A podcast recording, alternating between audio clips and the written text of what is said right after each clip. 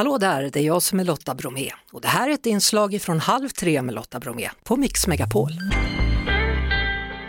Rosenlunds Rosarium i Jönköping har fått ett stort internationellt pris. Det är Award of Garden Excellence. Det delas ut vart tredje år av World Federation of Rose Societies. Och landskapsarkitekten och även kallad hjärnan bakom det här rosariet är Björn Kalin. Välkommen till Halv tre.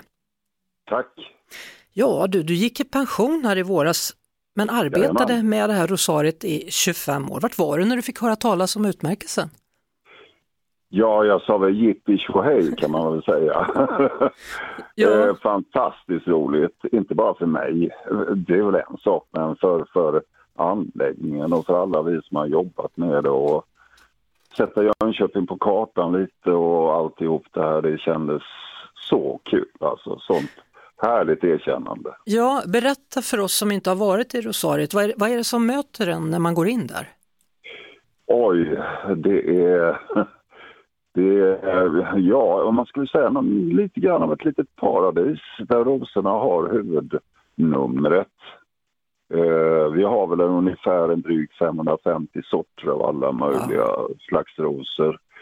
Eh, det klättrar och det är på spaljerer som jag har ritat ihop i olika, eh, på olika sätt då för att få, just spaljerna tror jag Roselunds Rosarium är nästan Mm. mest jämnt för.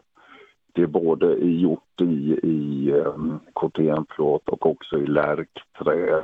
Oj, Och så ligger ju det här, du vet, när jag började jobba med den här platsen för, för 25 år sedan så låg det ett gammalt rosarium där, Mm. ganska enkelt. Och jag var ganska ny i det här och rosor kunde jag inte någonting om alls. Men så klev jag in i det här området så kände jag, herregud, den här platsen, den, den, den får vi inte missköta. Den här måste bara bli någonting bra av. För det ligger så fint vid Vättern och herrgård, och, men lite lätt misskött och lite sådär lite Ja. halvskabbigt. men du, det måste ju dofta enormt gott när man går in där också. Ja du, om du går in därifrån slutet av juni, alltså midsommar och ett par veckor framåt, Mm. då har du liksom den här maximala doften. Alltså då, då, då känner du att du är Ja, du, du får lite, liksom lite, lite fladder i fötterna på något sätt och Så. näsan vibrerar lite extra mycket. Men- Och det, nej, men det är underbart. Ja, men det måste varit svårt att slita sig från det här. Jag menar, du har jobbat med det i, i över 25 Ja. år. Alltså. Ja, Ja. Jag har inte lyckats men det riktigt. Nej, så du går dit och jobbar extra ibland eller är du bara där och njuter? Nej, men jag har en väldigt duktig efterträderska som jag har fått jobba ihop med nu under några år. Mm. Som heter Camilla Lagerstedt och hon är ju väldigt engagerad i det här och jag är så glad över henne.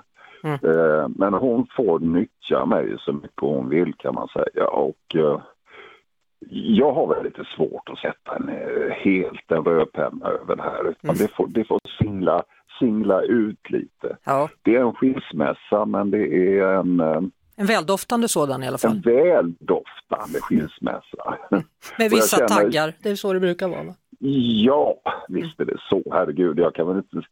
Det här har ju inte gått på som på, på eh, vad heter det? Räls? Det har ju inte gått raka spåret eller på Nej. räls överhuvudtaget. Det har varit mycket jox med det här kan jag säga. Men, Ja, ja. Men nu har du nått framgång och nu har du satt Ja. Jönköping på kartan.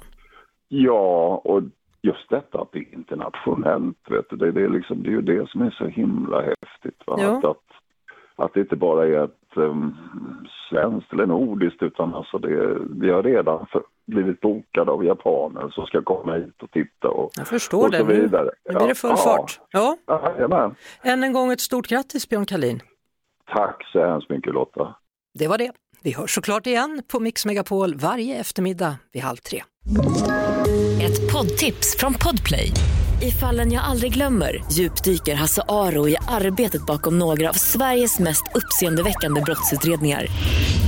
Går vi in med hemlig telefonavlyssning och, och då upplever vi att vi får en total förändring av hans beteende. Vad är det som händer nu? Vem är det som läcker? Och så säger han att jag är kriminell, jag har varit kriminell i hela mitt liv men att mörda ett barn, där går min gräns. Nya säsongen av Fallen jag aldrig glömmer på Podplay.